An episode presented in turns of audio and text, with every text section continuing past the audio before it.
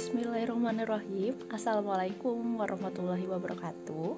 Kembali lagi di podcast Pisio One. Di sesi kedua podcast Ngerumpin tentang agama Atau biasa kalian sebut ngetak aja kali ya Lebih enak lah. Sesuai poster yang udah aku share juga di Instagram Topik ini akan ngerumpiin tentang terorisme, puritanisme, is Islamfobia dan juga pencegahan terorisme dalam sudut pandang agama Islam. Bersama narasumber kita ada Kak Syaifullah Rizal Ahmad yang akan mengumpas tentang topik kita hari ini dan relate banget nih dengan jurusannya.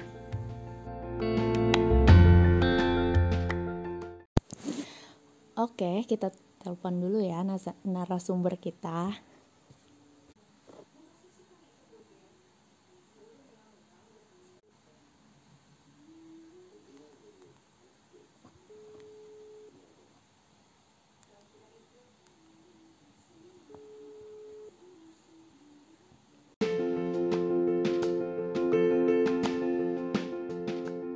Assalamualaikum. Salam.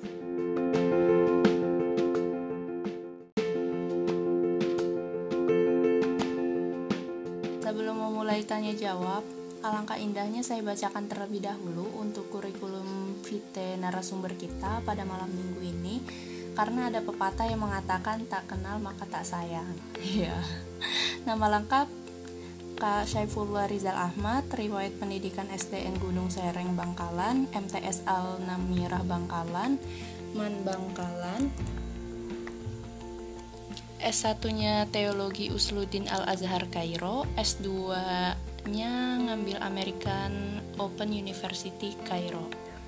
Mantap sekali. Sebelumnya makasih banget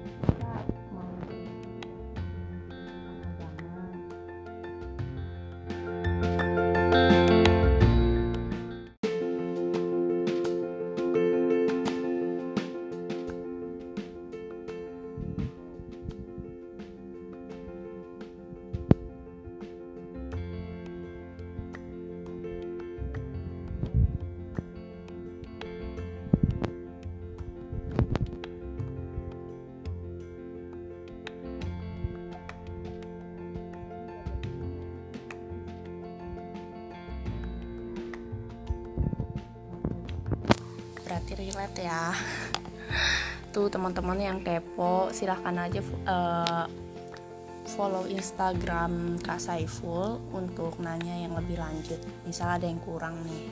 Ya nggak kak? Karena udah kenal nih kita sama teman-teman juga udah kenal berapa apa gimana tadi? Ada pepatah yang mengatakan tak kenal maka tak sayang. Kenal juga gak sayang kan? kenal tapi gak sayang. Aduh, pengalaman ya. Iya iya. Ya, uh, lanjut ya eh, kita kan ngebahas tentang terorisme terlebih dahulu nih kak Nah, menurut aku tuh orang-orang uh, sekitar aku, termasuk orang Indonesia itu sendiri, sebenarnya masih apa ya, masih rancu gitu uh, terkait penjelasan terorisme itu sendiri. Kayak misal nih, kalau misalnya kita di lingkungan orang yang pakai baju hitam, terus pakai pakaian secara tertutup, terus ada yang jangkis, yang kayak gitu kan pasti orang ngiranya, wah ini nih jangan-jangan terorisme kayak gitu loh kak. Nah, bisa mungkin bisa dijelasin sedikit nih terkait ilmunya kakak secara umum dulu. Ya, ya pertama ya tentang terorisme kita harus pahami dulu istilahnya. Jadi memahami istilah itu bukan bukan ini implikasinya bukan main-main gitu. Salah memahami istilah kita nanti juga bisa sisi dengan pemahaman kita terhadap istilah itu kita salah paham kita bisa salah persepsi salah persepsi bisa salah mengambil kebijakan atau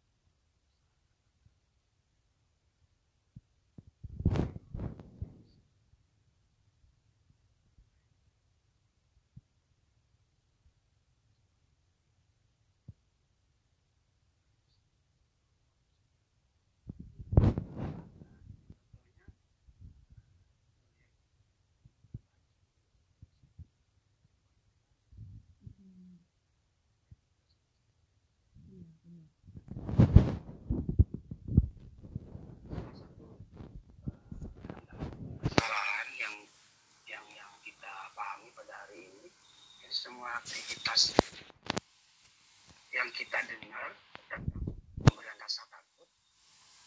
Jadi kita istilah eh, kita langsung mengaitkannya pada satu kelompok. Dan sayang sekali kelompok itu langsung langsung apa namanya mengacu ke kepada satu eh, kelompok aliran atau sekte dalam agama. Dan sayang sekali juga agamanya juga agama kita gitu. Iya jadi ya benar kita harus luruskan ya. Mm-mm. ya terorisme itu sendiri kan kalau bahasa Arabnya ya saya eh, juga belajar bahasa Arab sedikit. Bahasa Arabnya kan irhab Mm-mm. irhab itu teror kalau yang diistilahkan terorisme itu adalah teroris terorisme yang membawa nama agama. Mm-mm. jadi kata irhab itu memang sebenarnya memang ada di dalam Al-Quran tapi surat At-Taubah itu kan eh, nggak apa-apa ya saya baca ya. iya nggak apa-apa kak. Biar yang lain juga jelas ya, kok. ya, jelas ya. Iya. Wah itu lah Alhamdulillah minasyaitonirrajim. Wah itu lah mastofa min quwwatin wa mujibatil khair turhibuna aduwa kan itu. Jadi dalam At-Taubah surat At-Taubah itu memang eh, ada satu ayat yang menjelaskan bahwa Al-Quran menyuruh umat Islam untuk menyiapkan apa saja sarana yang bisa menggentarkan turhibu nabihi yang dengan sarana itu bisa menggentarkan musuh-musuhmu.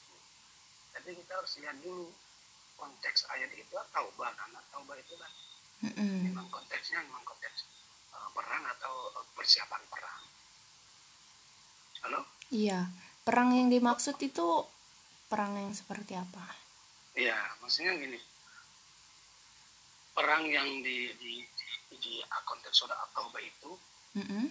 kata wa'aidu dan persiapkan itu kan kata imperatif ya perintah. Jadi kalau kita baca surat itu bukan di waktu eh, konteks perang di masa sekarang, ini tidak relevan lagi menurut saya. Dan sayang sekali ayat itulah yang menjadi eh, sandaran atau menjadi legitimasi eh, pada satu ke salah satu atau banyak juga kelompok-kelompok Islam yang agak puritan yang agak keras seakan-akan Al-Quran menyuruh kita untuk selalu mempersiapkan sebuah sarana untuk selalu memberikan rasa takut kepada orang lain. Musuh Allah itu di, di, di, di ayatnya di musuh Allah. Iya. Jadi benar sekali kalau sifat tadi bilang tuh mau tidak mau istilah-istilah itu membuat kita rancu. Hmm. Islam yang harus digambarkan manusia yang harus digambarkan dengan damai, toleran dengan dengan sukacita istilahnya itu. Kenapa menjadi menjadi legitimasi untuk membuat memberikan teror atau bisa rasa takut kepada orang? Nah, itu yang yang sangat disayangkan dan tugas kita menurut saya itu meluruskan itu gitu. hmm iya sangat cukup jelas sih kak kalau misalnya aku dengerin penjelasan kakak tadi itu terus sebenarnya itu aksi teror itu tuh selalu membawa apa ya uh, sifat balas dendam kak enggak sih kak balas dendam atau iya kalau saya sendiri kalau uh, teror yang kita bahas hari ini atau malam ini adalah teror teror dari kelompok Islam yang yang agak keras yang agak puritan itu mm -hmm. memang uh, menurut saya itu teror yang mereka buat itu memang tidak berangkat dari ruang kosong maksudnya iya pasti ada tujuannya bukan, ya kak ya, uh, ya bu, bukan bukan hanya punya tujuan tapi ada pemantik hmm. jadi jadi bukan hanya uh, dorongan ideologi saja tapi juga ada pemantik contoh ya contohnya misalnya. Iya. uh, kelompok-kelompok itu merasa ada satu yang tidak beres dalam sistem merasa didolimi atau merasa ada uh, bagian dari yang mereka anggap saudara seiman itu di, diperlakukan tidak adil walaupun itu bukan di dunia atau di di negaranya sendiri mm -hmm. untuk menyebutkan contoh misalnya uh, satu hal satu kejadian di, di misalnya di London atau di Jerman atau di mana misalnya ada berita uh, umat Islam di uh, istilah apa namanya di di dolimi lah. Iya, nah, mereka karena sistemnya kita sistem uh, hari ini ada. Nation state ya bernegara jadi mereka tidak bisa uh, melampiaskan atau membalas sesuatu yang yang mereka anggap berlakuan dolim itu di sana. Jadi mereka akan mencari musuh yang common enemy ya musuh yang mereka anggap sama hmm. apa yang hmm. kira-kira bisa saya balas di sini nah, itu oh. yang yang membuat jadi kacau mm -mm. jadi mereka membalas di sini kalau tidak ada eh, kalau tidak ada apa istilahnya kaitannya dengan negara ya kaitannya dengan agama misalnya di sana eh, saudara saya di, diperlakukan ini oleh agama apa oh, kelompok dari agama ini agama A. jadi mereka akan mencari orang-orang yang di sini yang mereka anggap ada kaitannya dengan itu mm. itu yang hmm. bikin yang bikin apa namanya citra ya citra uh, apa agama kita jadi uh, apa menurut saya itu kacau sekali iya sih kak mm. Terus nih kak kalau misalnya aku baca informasi nih untuk terkait apa namanya terorisme itu sendiri ternyata berdasarkan data yang dikutip website Universitas Indonesia di Indonesia itu sendiri tuh tercatat 130 kasus terorisme 896 pelaku telah ditangkap dan dijatuhi hukuman. 126 di antaranya tuh dihukum mati. 674 sedang dalam hukuman. dan 96 pelakunya ini dibebaskan.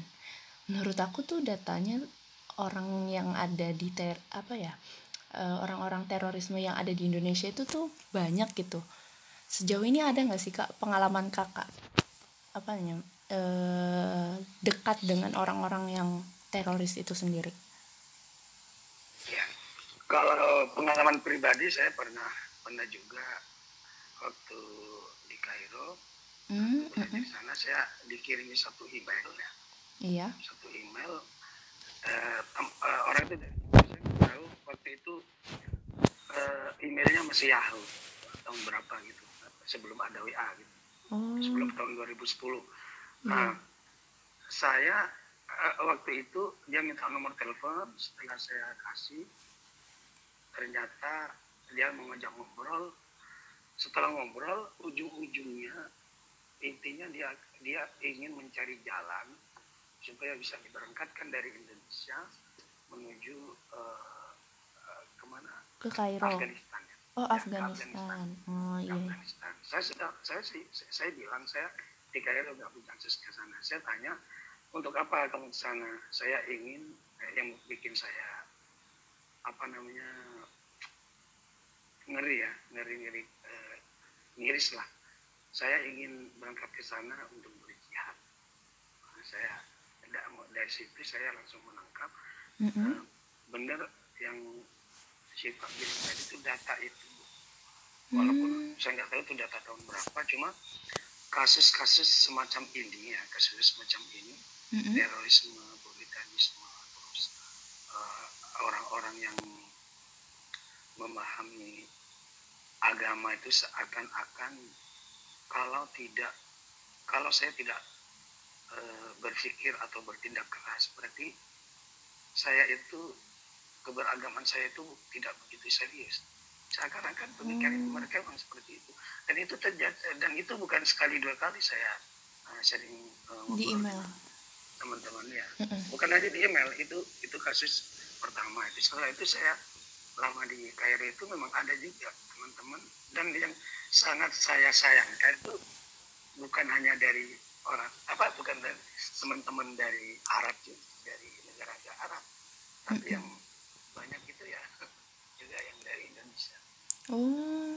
sampai saya punya kesimpulan seperti yang tadi saya katakan orang yang uh, sudah dalam tanda terracuni ya terracuni pemikirannya dengan, dengan berpikir berpikir keras sampai sampai melakukan teror itu mm -hmm.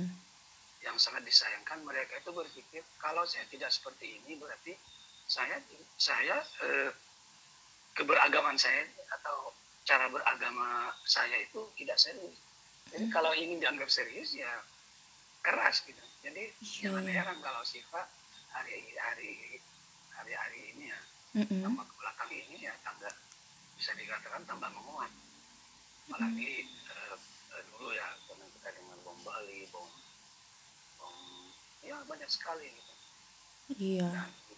hari-hari uh, ke belakang targetnya sudah ininya beda targetnya mereka beda kalau dulu non non non agama kita gitu non Islam gitu. kalau sekarang malah tambah ini lagi tambah kacau lagi targetnya bisa masjid bisa sesuatu yang mereka anggap ah, gitu. iya itu dalam sudut pandang Islam kan kak kalau misalkan ya. uh, uh, apa namanya aksi terorisme itu tuh sebenarnya ada tapi lebih buruk dari ahli bid'ah sih kak. Kalau orang yang ngelakuin terorisme itu sendiri. Oh, iya. ya kalau sifat nanya nanya nanya ke saya kalau saya bisa menjawabnya mereka kan orang yang menurut saya tidak terbiasa di, diajak atau diajari berpikir uh, jadi dia ingin mengajak atau menganggap semua orang itu harus sama dengan dengan dia pemahaman dia tafsir dia terus uh, perlakuan dia gitu. jadi orang yang tidak seperti dia atau tidak seperti kelompoknya mm-hmm. itu mereka anggap salah nah, di situ titik awal uh, terorisme menurut saya kalau sudah tidak mau toleran dengan orang lain mm-hmm. di situ titik awal terorisme akan muncul dan itu itu terbukti banyak sekali terbukti iya sih kak jadi aksinya malah jatuhnya ke radikalis ya ya makanya penting sekali untuk melakukan diri deradikalisme mm-hmm. jadi kalau memang aksi teror itu mereka mengambil legitimasinya dari pemahaman, jadi memang harus ada tindakan-tindakan preventif, bisa dari organisasi, bisa dari pemerintah, itu memang harus ada uh, orang-orang yang diterjunkan untuk meluruskan pemahaman. Karena mau tidak mau harus kita akui aksi terorisme itu memang uh, lebih banyak berangkat dari pemahaman terhadap uh, teks-teks agama ya. Walaupun tidak bisa kita pungkiri uh, faktor-faktor lain memang ada seperti ekonomi seperti apa namanya politik. uh, politik. Ya benar.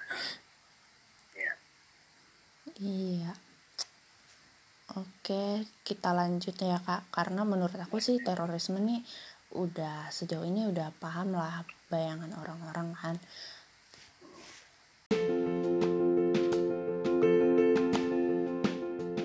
Ngejelasin tentang puritanisme.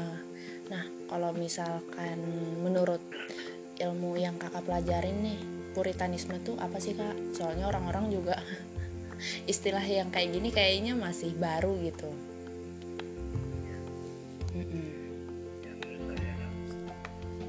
puritan itu dari kata puritan puritan itu iya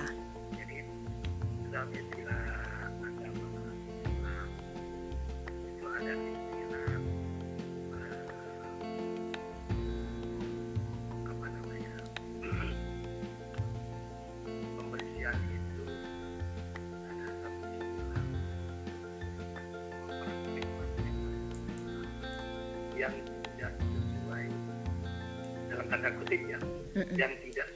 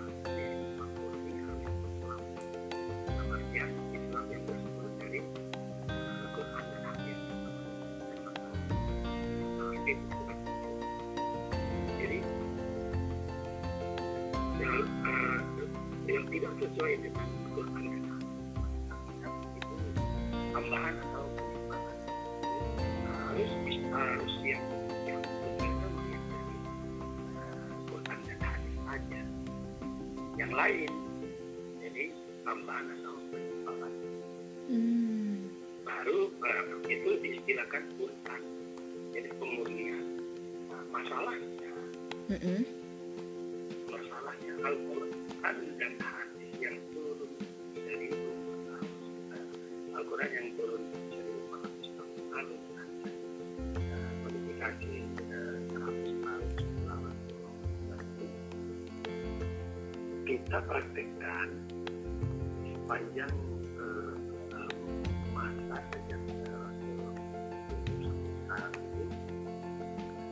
di semua tempat yang eh, beda dengan turunnya Al-Quran dan hadis. Jadi otomatis semua tempat yang mempraktikkan Islam Mm-mm. itu kan punya budaya sendiri kan, iya benar-benar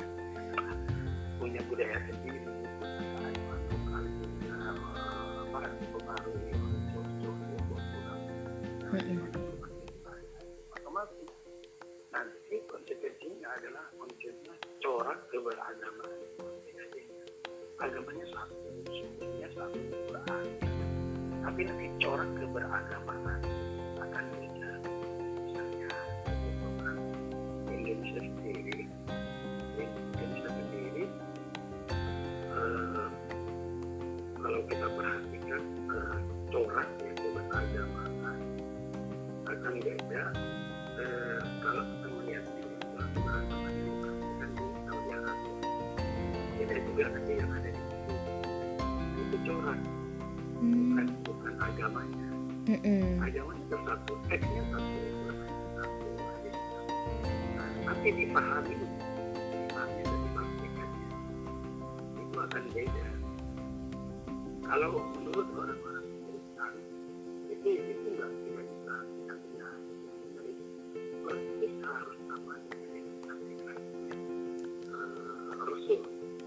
namanya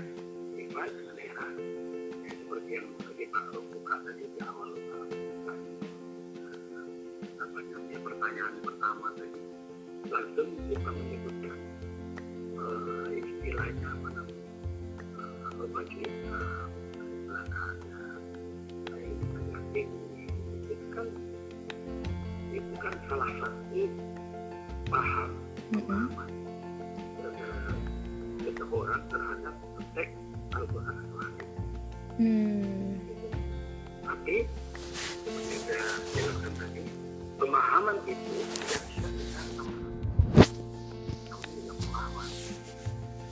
iya iya. Kalau saya silakan silakan kasih pakai kayak saya, saya, saya lewat depan ah, ya.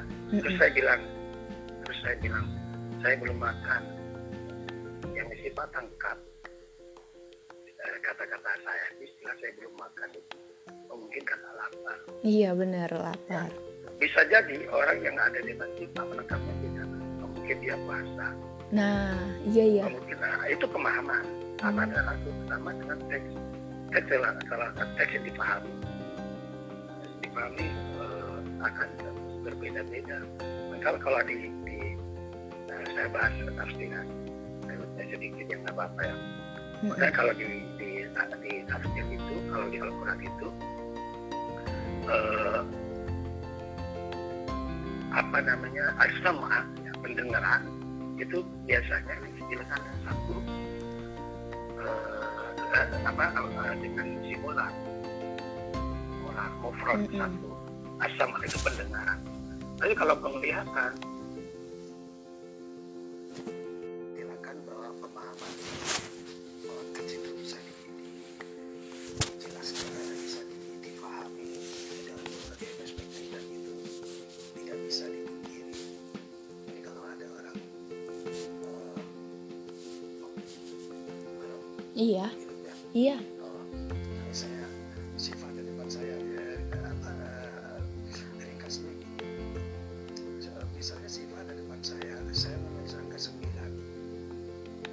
hmm.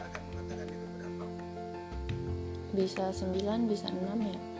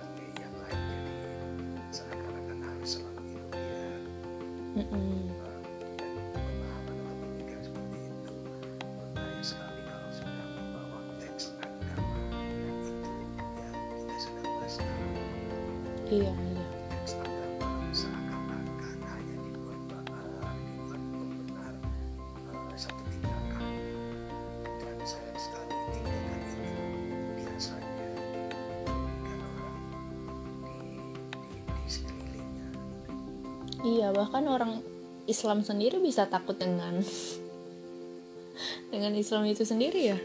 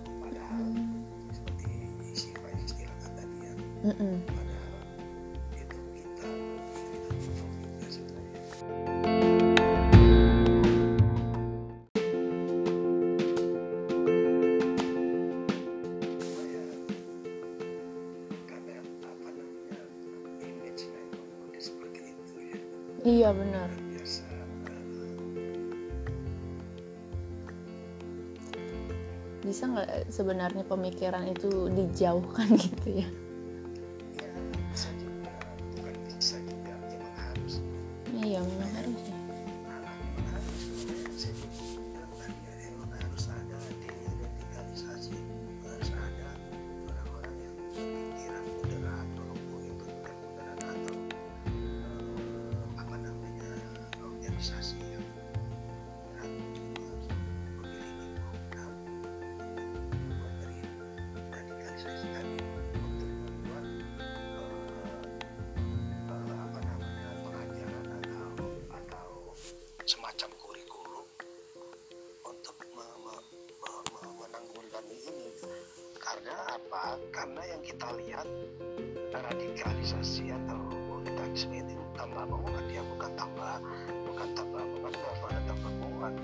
Kita lihat video-video anak-anak kecil di, disuruh teriak-teriak apa bunuh teriak-teriak kafir teriak, itu itu miris sekali jadinya gitu.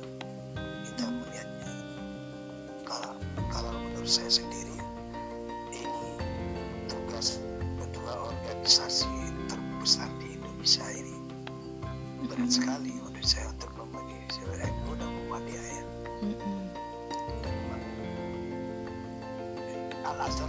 sendiri ya Siva ya Al-Azhar sendiri saya melihatnya itu program uh, diradikalisasinya atau pemahaman-pemahaman menyebarkan pemahaman moderat itu gencar sekali terutama uh, 10 tahun terakhir ini hmm. terus kak terkait uh, apa namanya pembahasan ini kan ada sambungannya nih dengan Islamfobia hmm. terus cara menyikapi biar uh, apa namanya orang-orang itu nggak takut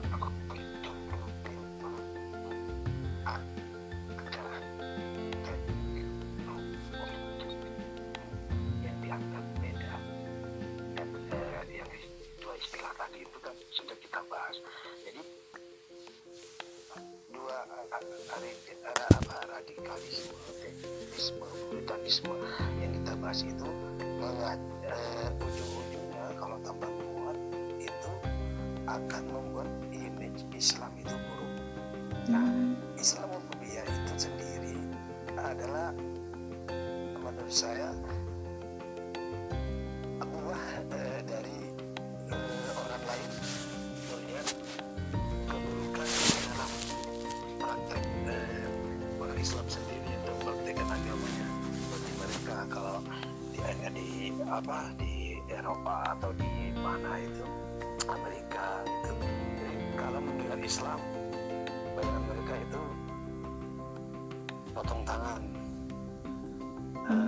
apa namanya eh, mafia bom. Atau orang-orang orang-orang yang tidak apa sampai kelompok orang uh, dianggap orang-orang Islam itu di, orang yang tidak bisa yang diajak maju. Dalam artian orang-orang yang seakan-akan punya dunia sendiri mau bikin sistem sendiri merasa bukan bagian dari dunia gitu. Sampai dianggap orang-orang yang tidak tahu how the world works bagaimana dunia bekerja nah itu jadi mereka itu takut takut terhadap se, se, uh, sesuatu yang berbau Islam.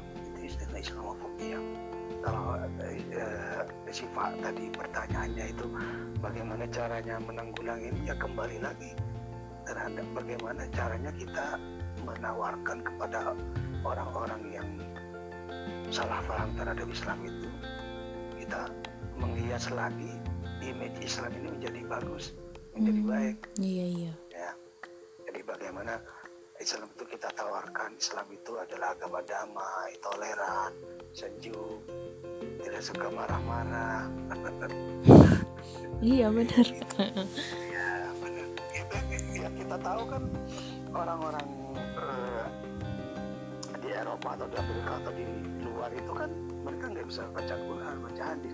Mereka melihat Islamnya dari uh, kalau orang-orang Islam kan yang mereka lihat. Kalau orang-orang Islamnya sendiri uh, memahami Islam itu seperti yang dua istilah kita, istilah tadi kita bahas itu ya bagaimana mungkin mereka mau tertarik. Hmm. Jadi Islamofobia, Islamofobianya tambah kuat dan itu istilah istilahnya ya jadi ini kita jadi BR kita gitu. Iya iya. Nah tadi kan uh, ngomongin ada sedikit tentang kekuasaan nih kak untuk terorisme itu sendiri. Sebenarnya memang tujuannya terorisme itu tuh memperebut kekuasaan kah atau gimana?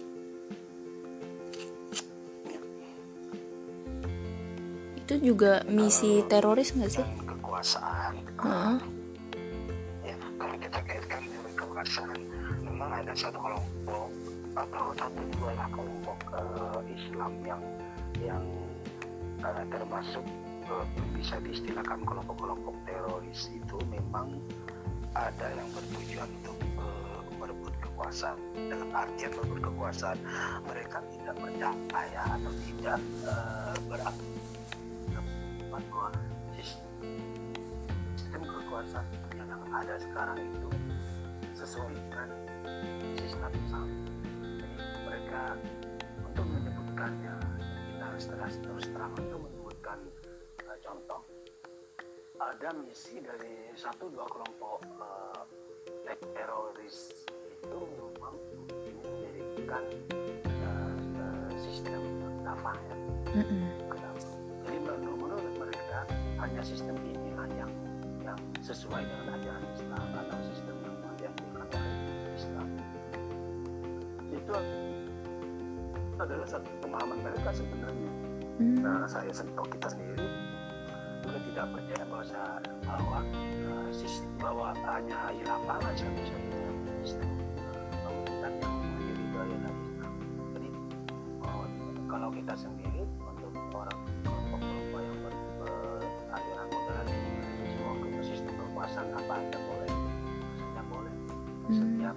masa setiap setiap tempat itu memang selalu berubah-ubah.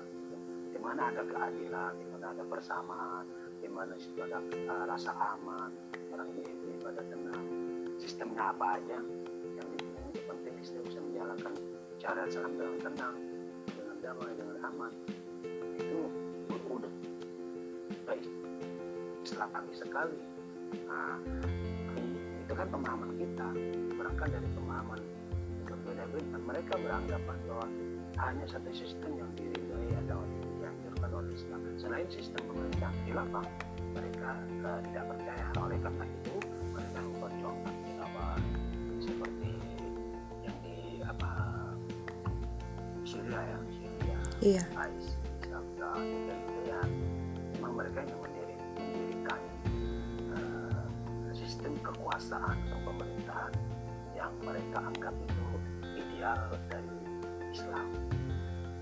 Oh iya ya.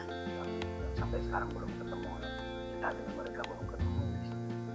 Hmm. Oke, benar juga sih kak. Kalau dibilang-bilang. Kalau udah dijelasin kayak gini kan paham gitu loh kak. Oh ternyata sejauh ini teroris itu apa, puritanisme itu apa? Hmm? Terus Islamfobia tuh juga gimana? Sekarang itu pembahasan terakhir untuk pencegahan terorisme itu sendiri dalam sudut pandang agama Islam. Gimana kak?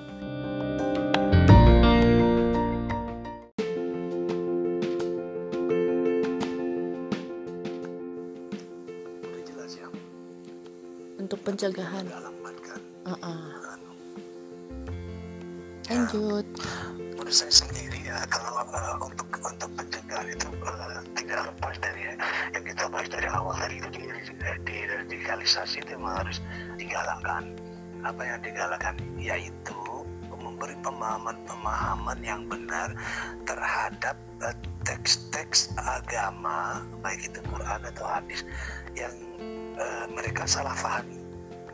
Ya, mereka salah contohnya ya saya yang sebut saya yang saya sebut tadi itu tentang at-taubah itu. Wah itu loh mas Topel gitu. Itu harus kita jelaskan punya konteks sendiri. Tidak ada satu teks uh, bukan bukan semuanya walaupun tidak semua teks itu uh, ada ada konteksnya ada asbabun nuzul istilah kalau dalam istilah uh, kajian Quran itu. Tapi kalau yang mereka ambil untuk legitimasi untuk membenarkan tindakan tindakan teror itu adalah uh, teks Al-Quran kita harus jelaskan dulu itu punya konteksnya konteksnya seperti apa. Ada nggak korelasi dengan zaman sekarang? Bisa nggak kita praktekkan sesuai dengan uh, tulisannya persis atau harus kita perhatikan konteksnya terlebih dahulu? Gitu. Ada juga saya istilahkan eh, saya contohkan di Atoba itu kan ada uh, ayat ya, uh, uh, seperti ini. Uh, uh, kafah kayak gitu. Artinya bu- bunuh atau perangilah mereka kafah seluruhnya. Ya seluruhnya. Seperti mereka memerangi seluruhnya. Ya bahaya sekali kalau kita ambil potongan-potongan ayat itu tanpa kita melihat melihat eh, apa korelasinya dengan ayat sebelumnya atau ayat setelahnya. Jadi seakan-akan ayat itu berdiri sendiri dan memerintah kita untuk membunuh. Mm. itu sangat berbahaya mengambil ayat sepotong-potong. Jadi mereka memahaminya secara parsial. Jadi Hmm, berbahayanya memang mem- mereka memahami banyak teks itu secara parsial. Kalau tadi ditanya pencegahannya bagaimana kan puritanisme radikalisme ya, pencegahannya menurut saya karena lain atau eh, lebih banyak motivasi radikalisme atau itu memang dari pemahaman kegagalan salah jadi kita harus luruskan dulu pemahamannya bagaimana cara meluruskan itu lebih Mm. eh, lagi yang benar Mm-mm.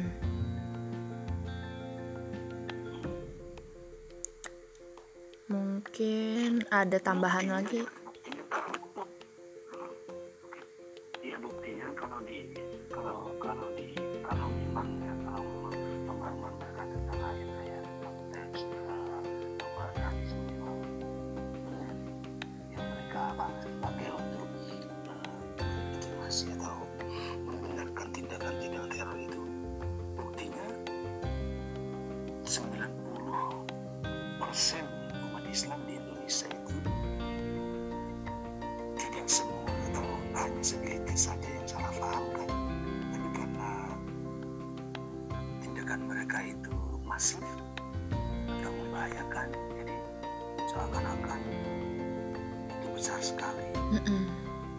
Setelah disiarkan ke media-media nah itu yang membuat Islamofobia seakan-akan orang Islam itu memang seperti ini seperti ini seperti ini. Padahal itu kalau di itu dari 90 persen dari 260 juta orang itu berapa cuma berapa orang yang yang bisa disediakan salah paham terhadap teks-teks yang yang mereka pakai membenarkan itu. Jadi ya sekali lagi tindakannya memang pencegahannya ya memberi pemahaman yang benar terhadap teks-teks yang disalahpahami Iya.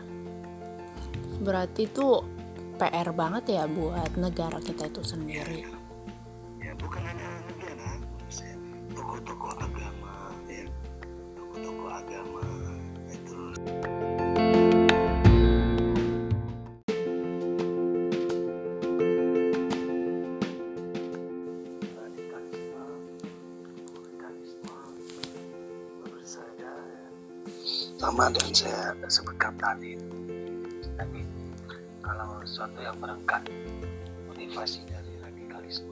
terorisme itu adalah pemahaman tafsir keagamaan. Jadi kita harus memberikan eh, apa namanya arahan atau eh, tafsir atau meluruskan pemahaman yang ditangkap Pertama, yang kedua kalau memang dirasa apa eh, ada faktor lain selain teks-teks keagamaan seperti ekonomi, kesepakatan tadi politik dan lain sebagainya. Jadi memang harus ada upaya-upaya pencegahan eh, dari faktor tadi Nah, seperti contohnya apanya perbaik perbaikan dalam sistem eh, keadilan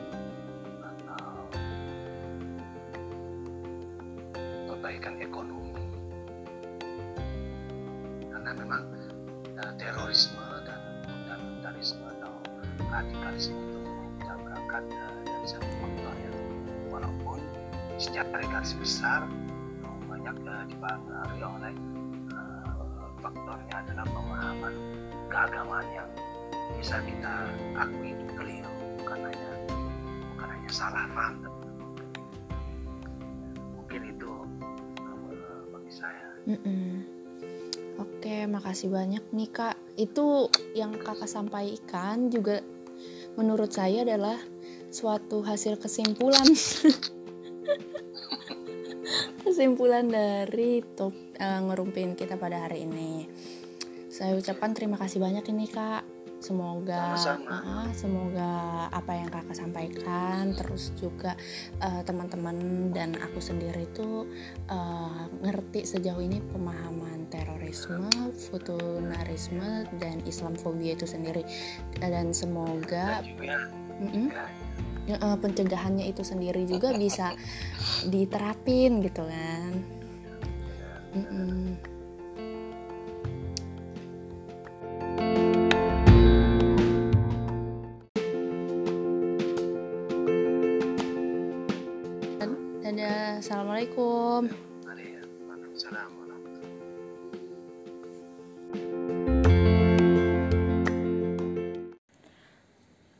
Oke, makasih banyak buat kalian yang udah nyimak dari awal sampai akhir di ngetak. Aku harap dari awal sampai akhir podcast dari Pisyawan ini memberikan edukasi yang bermanfaat buat kalian. Makasih banyak. Jangan lupa untuk pantengin podcast kita selanjutnya ya. Dadah. Assalamualaikum warahmatullahi wabarakatuh.